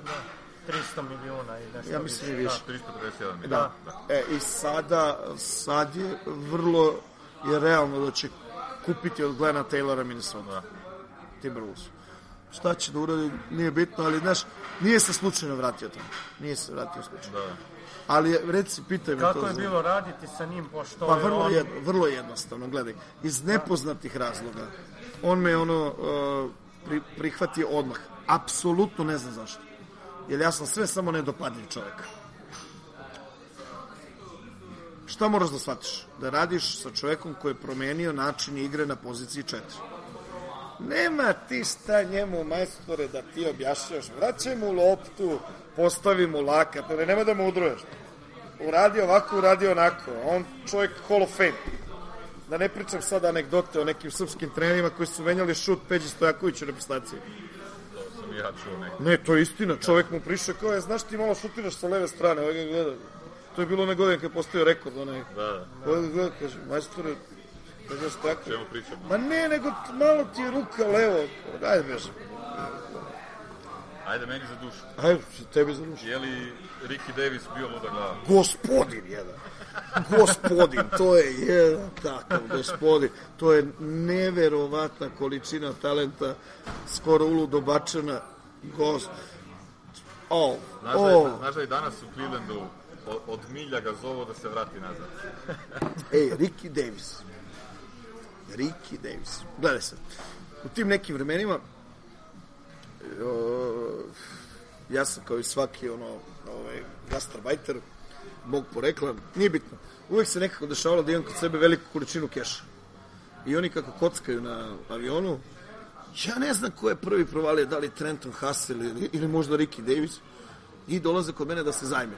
Pošto ne igraju na čipove, nego se igralo u keš, nije zezanje još. I Ricky dolazi jedan dan i kaže, coach, bla, bla, bla. Uh, kako su govorili? Da, zvali su me ponekad, ono, kao, ovi što su mogli da izgovore, razgovarali su Gili, ovi su neki zvali kao Alex, ali to je bilo najmanje, ali recimo nadimak je bio AK. Pošto sam ja jedan put popizdao na nekoj utakmici i onda je Garnet me gleda, nešto sam rekao kao, ako ne možeš, ni, znaš kao, izađi ispred njega, zaustavi ga, uradi šta god hoće, ako treba bre, strelje ga. I ovi su rekao, wow. Znaš, i onda se, bila je šala u slučajnici, get your AK, kill them all. I onda je bilo AK kao. Ali, i Ricky je, ne znam, pozemio novac, tako uljak vraćao, ali uh, masu puta, recimo, sletimo u Miami, postoje gradovi u NBA gde se zna da ako izađeš uveče ujutro gubiš. To je recimo informacija za ove kladioničare esencijalna, ali neću da podelim. Uglavnom, jedan od tih gradova je Miami, odnosno South, South Beach. Ovaj, kako svi ovi što malo više zarade imaju asistente koji putuju ovim o, commercial flights. E, naravno, Ricky Davis, on ima asistentkinju. Mi kad smo došli sa busevima, on je direktno sa busa ušao u limuzinu koja ga čekala. U limuzini je već bilo delo koje je ona kupila unapred za njega. Uglavnom bio je odevan kao pimp, klasičan, u belom, onako. U to vreme imao dredove, znaš. Da, znam. Znaš, a faca onako lepi je. I sad, ovaj, sav u belom sa belim. Sa belim ovim cipelama. Uglavnom, znači, mi smo sleteli negde oko dva ujutru, smo bili u, u hotelu i ujutru igramo odmah sa Majamijem i e, kada, znači tako, kad se desi da je back to back, pa ujutru ne trenamo, imamo takozvani brunch. Kao, uh, ujutru dođeš, imaš uh, doručak je optional, znači ko hoće, kad završimo optional, gledamo scouting, ako hotel ima neku dance salu, mi to ispomeramo stolice, kao uradimo walkthrough, idemo utakmicu. Ne trenira se ujutru. Kad je back to back. Ricky Davis dolazi na branč u istom odelu u kom je izašao uveče. Znači, sve ti je jasno. I ja dolazim i bile su neke žvake, sad sam zaboravio, možda ćeš ti da se setiš. Ja znam da ja nisam volio da ih stavim usta, toliko su bile jake. Znači, to je neki mint, neki, ono, to. cime, cinnamon, pa ili, ili povezan, ili... To je bilo toliko jako, ne možeš da žvaćeš dva minuta. Ja se samo ovako zazvickam, stavim kod njega na sto, on stavi usta da se ne bi osjećalo već šta je se radilo celu noć i uzme izađe da 25 pojena. Razumeš? Da, je, zanimljiv- Ekstremno Zanimljiva je ta po, povezanost uh, kako u NBA-u je košarka posao i izvan onih stvari za koje moraš raditi u ekipi. Da. Puno ljudi te ne pita šta Pa radiš. znaš kako kaže Kevin McHale? Ako si na vreme na basu, Da. kao ako si na vreme na autobusu, kaže možda budeš serijski ubica, neće niko znati. Gledaj, ali ti si Zašto, profi. zašto kod nas još uvek nekad... Pa nema te sve, drugačije, drugačija je kultura. Da. Mislim, ja sam Da, recimo kad- viđao kad je u na svojoj parketu karijeri igrače onda- u diskotekama sa cigaretama, pivom i Pa tako i ja sam, dalje. moj igrač isto to radi. Ali mislim, zašto je kod nas to jao gadno, ti si sportaš, ne smeš to. Pa ne znam, to mora pitaš druge trenere, ja nemam problema. kad- Ne, ne, ne mislim za trenere, nego onako javnost to. Pa zato što- Odakle to? Kompleksaš. To je Neki, Ma to su kompleksa, ma to su kompleksaši. Te spartanske fazone. Ako ti A šta misliš da Leonidas bre nije pio? Pre nego što išao da se zakači sa ovim... Ajde da se zeba. Da, Izvini. i ako ti pobjediš Da. i igraš dobro, onda Gledaj, ima, ima nema anegdota... niko što da kaže, ali kad, kad imam jedan primjer, Ajde. Olimpija je izgubila košarkašku utakmicu sa Mariborom, sa svim poštovanjem do Maribora, ali ove večeri pola igrača Olimpije bilo je u topu. Ja tega ne, ja ne prihvaćam. A ko je toga. bio, jel gostovo neko u topu? Pa- pa ti si bio u topu izgleda, šta ja znam. Pa nisam ja bio, ali E, onda Gal, ne znam. ja Da, sam dobio da. informaciju da sam Ok, bili, ali... super, super. Gledaj sad ovako. Prvo ću da ti ispričam jednu anegdotu o, o jednom velikom igraču, Gary Paytonu, ne znam da li ga volite. Ja mislim da je veliki igrač, mislim da je Hall of Famer. Gledaj ovako, u vreme kad je Seattle bio na, stalno ono finala, če, ono polufinala konferencije, finala konferencije, Gazda, između ostalog, Gary Payton je bio ono kao najvažnija tu ono karika. Zašto? Zato što je Sean Kemp potpuno pratio što ove priče. Znači, ako Gary Payton kaže stani mirno, stoji mirno, prilike. Uglavnom, on je bio lider pravi i pričali se s njim. Gary Payton je bio poznat po tome da voli da žura, ali isto vreme je bio jedan od najvećih fitness fanatika NBA. Neverovatno nešto. A, da, pazi, priče o njegovim žurkama su takve da je to strašno. Znači, on je čak otprilike pri kraju karijere imao i stalno obezbeđenje, jer on uđe i ne znam, časti celu diskoteku, pa se onda to ovima tamo ne svidi, pa strašno. Uglavnom, u nekom razgovoru s predsjednikom i vlasnikom, oni dođu i iskreno mu pažnju to je, slušaj, imamo generaciju, ajde ovo ono, šta ti misliš, ili misliš da bi to pomoglo da ti malo to, znaš, kao, da se to To držima, da. pa da se to malo, ovaj, znaš, skontroliše to tvoje izgled. Kažem, ajde, probamo, nije probamo.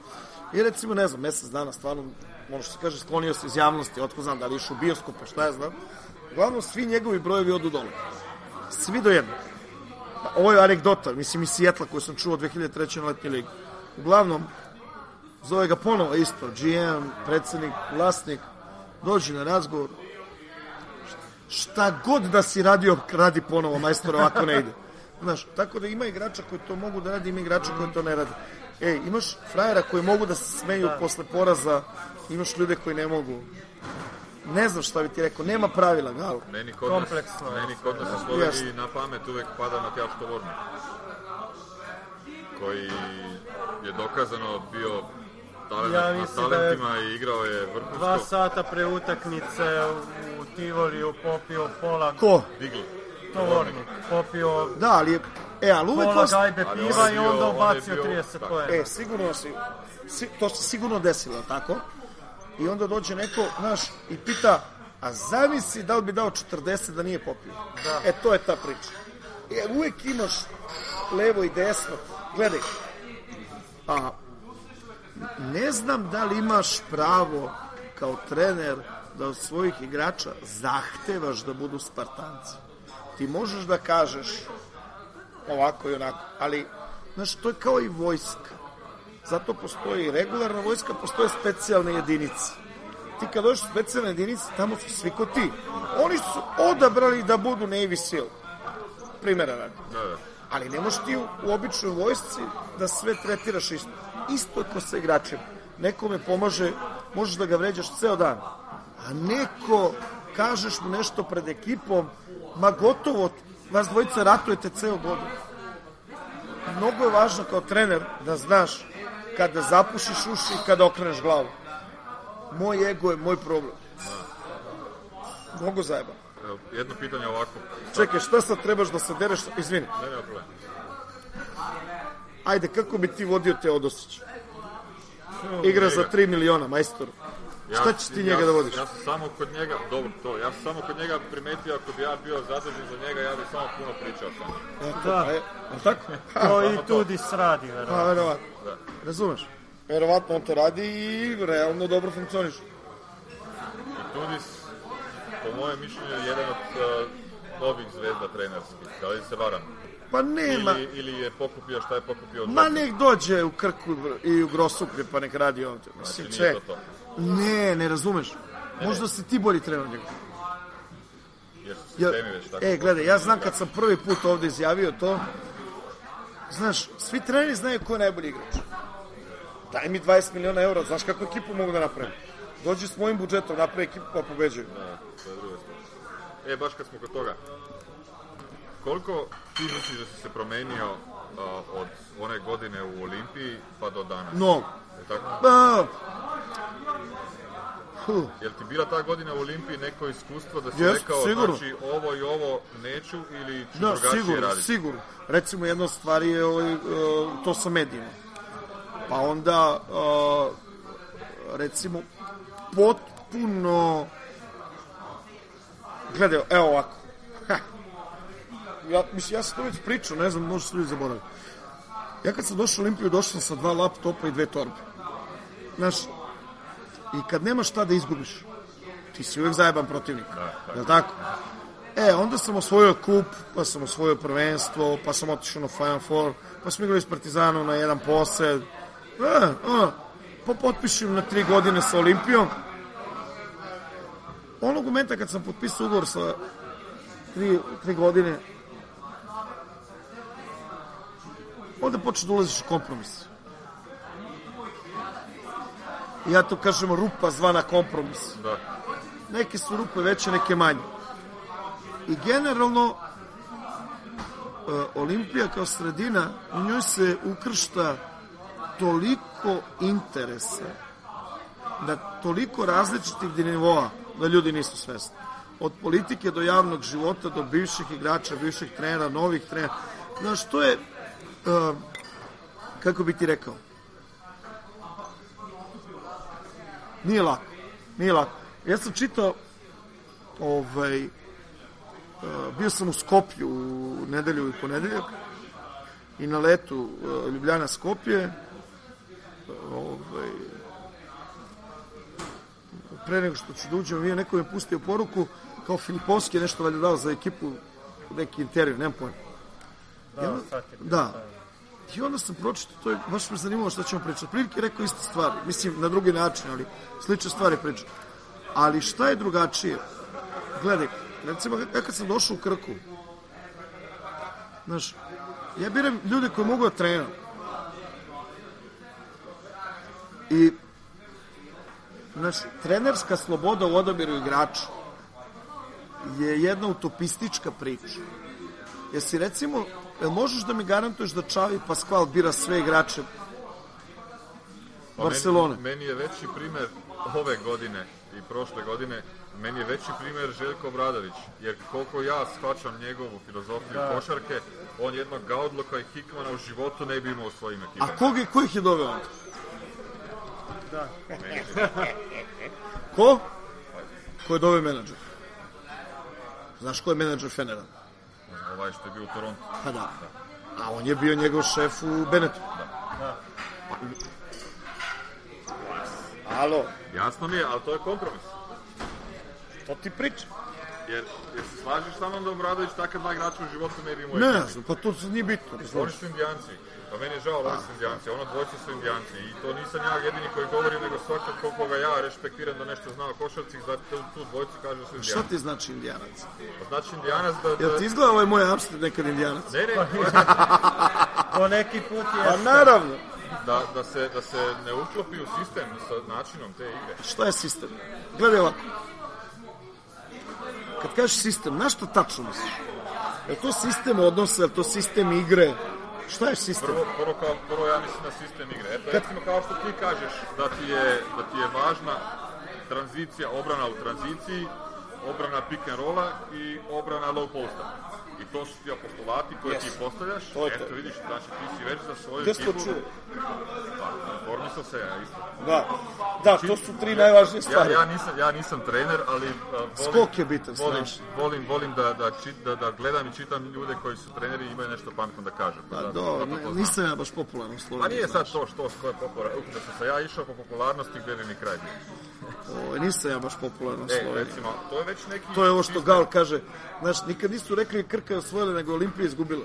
To su dva različita naslova. Kako ti zvrči ovo? Olimpija je izgubila ili Krka je pobedila? A o istoj činjenici pričam, ali su dva različita naslova. Da, to je, to je istina. Da. Je li istina? Ja, ja, ja, Evo, tome ti ja pričam. ja, ne, ja recimo bi napisao Olimpija je izgubila, da je Olimpija imala jako superiornu ekipu Utakmicu. u, Da, da. u smislu igrača. Kao ako- sad ako se radi o tituli- Zlatoroga. I to da se pobeđuje. O tome se radi, majstor. I to da se E, pobeđuje. o tome se radi. Sigurno. Znaš, ja recimo, ja sam mnogo ponosan na to što sam radio Olimpiji, mnogo sam ponosan na to kako sam se ponašao prema Olimpiji. Uh, gledaj, ja sam recimo ogroman novac uprostio Olimpiji, ja nisam tražio stvari od Olimpije da mi se plate koje nisam odradio. Generalno mislim da sam se ljudski oprostio i realno ne sjeća se baš da sam nešto loše pričao. Nikad. Pa, Čak, čak više ponekad promotivno Jasno, pričam nego... Pa ja i mislim da ste vi danas u nekim jako normalnim odnosima. Ja ne vidim tu neku... Pa nemam ja ništa s njima, ja samo hoću da pobedim. Pa da, to da, ali mislim, kad se vidiš sa ljudima tamo... Pa šta, to je sve... Pravo, pravo je Pa to, to, da. pa nema. Gledaj, oni imaju svoje probleme, ja imam svoje probleme. Meni to bilo mnogo smešno, neko me pitao sad da li će s mene Pipana, pa rekao, "Št- je li, kad je prolazio u top 16, ono, Eurokupa, jel, niste me pitali tada, kao, on kao začuti taj neki... To se opet Pa to je priče, to, pa jasno, pa to su, znaš, ne radi se to tako. Treba neko da, da proda nešto. Pa znam, Pa ali koji, koji Ja- su to tiraži? Za kraj, ja sam taj koji bi još pitao nešto E, malo, ajde, malo ličnije, ali ne- nema veze. Dobro. Um, majka tvoja je dosta obožavana sa strane grobara. Jes, pa ne, Je to, je to okej tebi? Kako tako?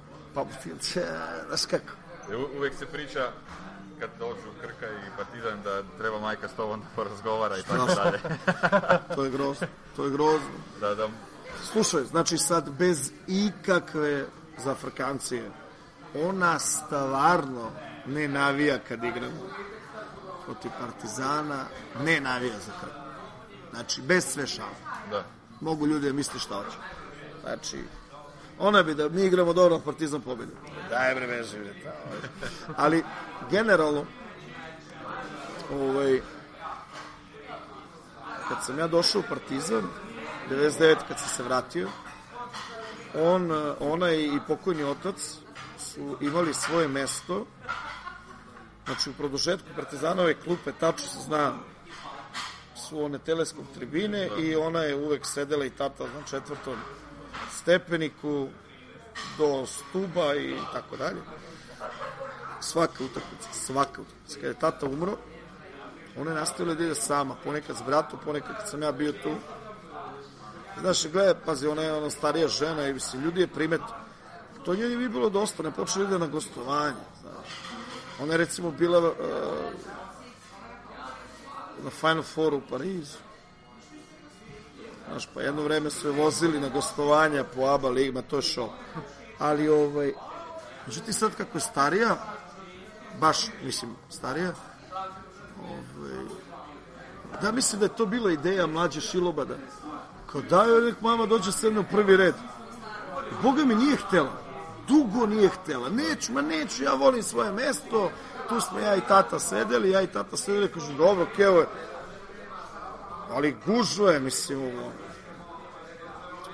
Međutim, ona, kad je to bilo? Kad sam ja dobio otkaz u, u Ritasu i onda sam i išao na utakmice Partizana i ono sa mnom i sedi u prvom redu.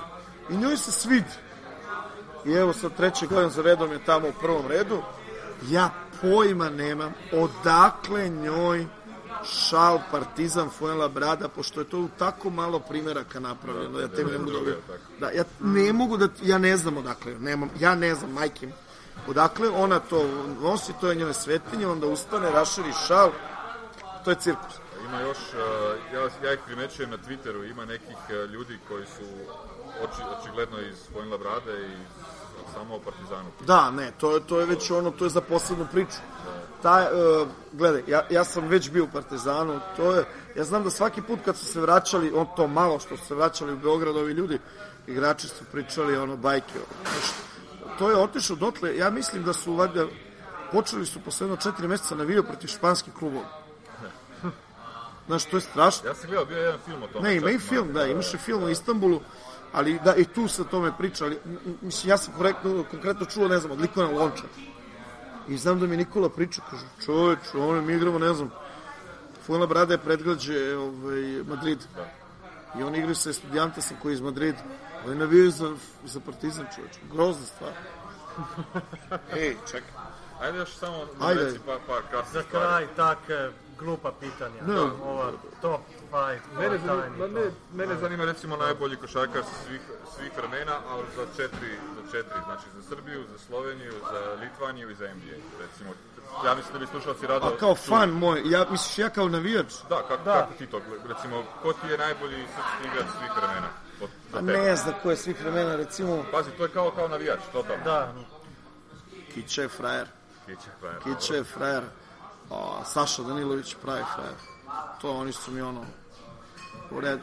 Mislim da je Vlade Divac tek će se shvatiti kad budemo počeli da gledamo ove koji igraju iza njega, tek ćemo onda da skapiramo ko su oni, Sabonis i te, te face koje smo gledali kao klinci. Da. A, Sabonis. Raz, razlog je i tome... Sabonis Marčuljonis u Litvani.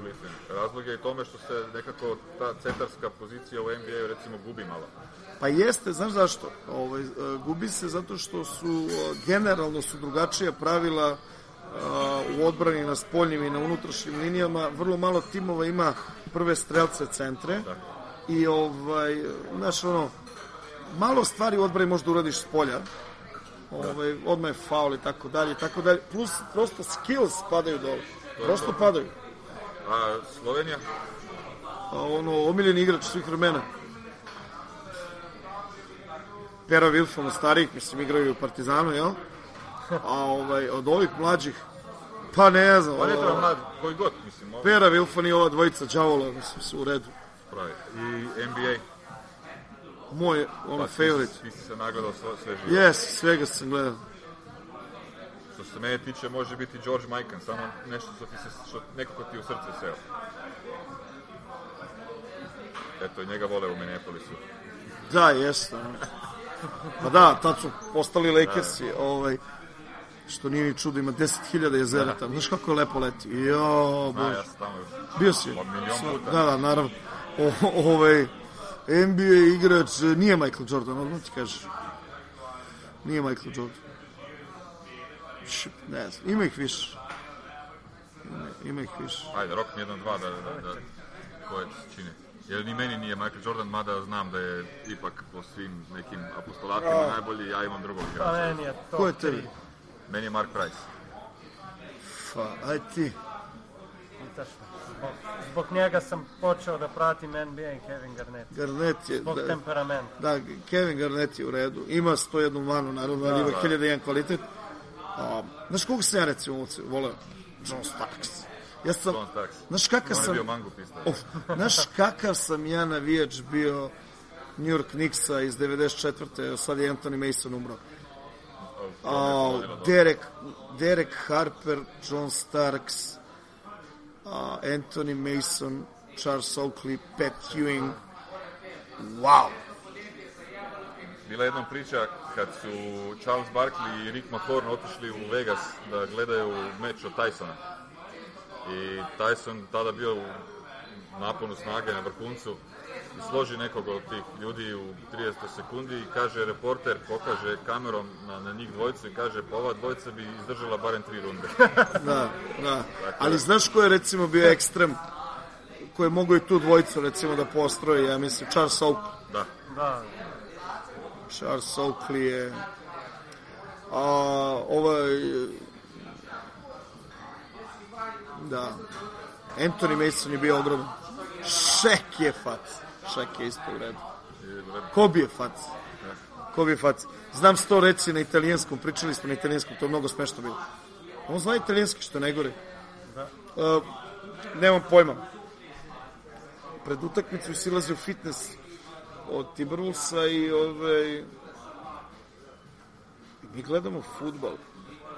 Unutra smo ja, Fred Kojberg, koji je tad operisao srce i a, ovaj momak Bracy Wright, koji je bio, ne znam, 13. igrač, pa je odradio sa mnom trening u facility i išli smo gore na utakmicu. I kako smo završili to na terenu, ulazimo u teretanu da se uradi to što treba se uradi i dolazi Kobe Bryant. A mi gledamo futbol. Bracy Wright strašno voleo futbol. Mislim, strašno voleo i dalje voli futbol.